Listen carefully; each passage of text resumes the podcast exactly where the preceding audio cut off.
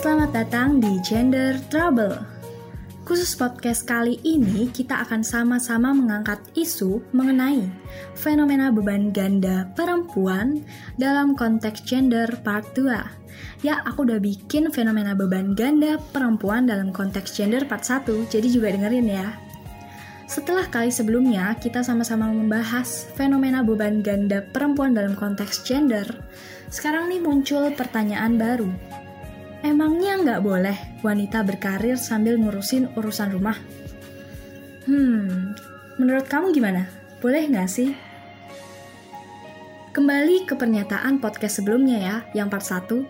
Itu adalah keputusan bersama dari sang suami dan sang istri. Nggak ada yang bisa mengatakan boleh nggak boleh, bener atau nggak bener, kecuali kesepakatan mereka. Cuma nih, cuma ya, biasanya ada juga suami yang membiarkan istrinya yang sudah lelah bekerja mengatur semua urusan domestik. Ya, semua. Seperti mengamini perkataan, wanita itu harus ngurus rumah.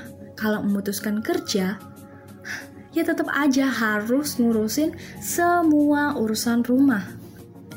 Seakan nih, kelelahan yang istrinya alami adalah salahnya sendiri. Siapa suruh dia kerja? Padahal nih ya, bekerja adalah hak untuk setiap manusia, terlepas dari apa pun gendernya.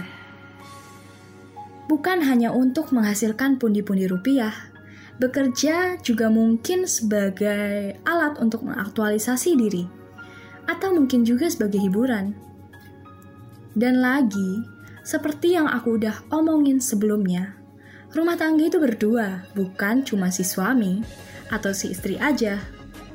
Tapi keduanya, si suami dan si istri. Jadi bukannya urusan domestik juga gitu. Ya, mungkin akan lebih baik kalau si suami membantu urusan domestik sebagai bentuk rasa sayang terhadap si istri yang mungkin kelelahan. Kalau menurut kamu gimana? Nah, nah, nah. Kalau si suami sudah membantu urusan domestik, beban si istri kan juga lebih ringan karena dibawa bersama. Bukannya itu ya rumah tangga yang ideal. Berat sama dipikul, ringan sama dijinjing. Tapi masalah nggak habis sampai situ. Kalaupun ada suami yang inisiatif dan rela untuk membantu sang istri, lingkungan terdekat gak bakal tinggal diam. Bisa aja mereka nyinyir. Suami kok ngurusin urusan dapur? Atau istri kok kerja mulu? Urusin suaminya tuh. Mirisnya, komentar pedas dan tidak enak tersebut lebih sering muncul dari keluarga terdekat.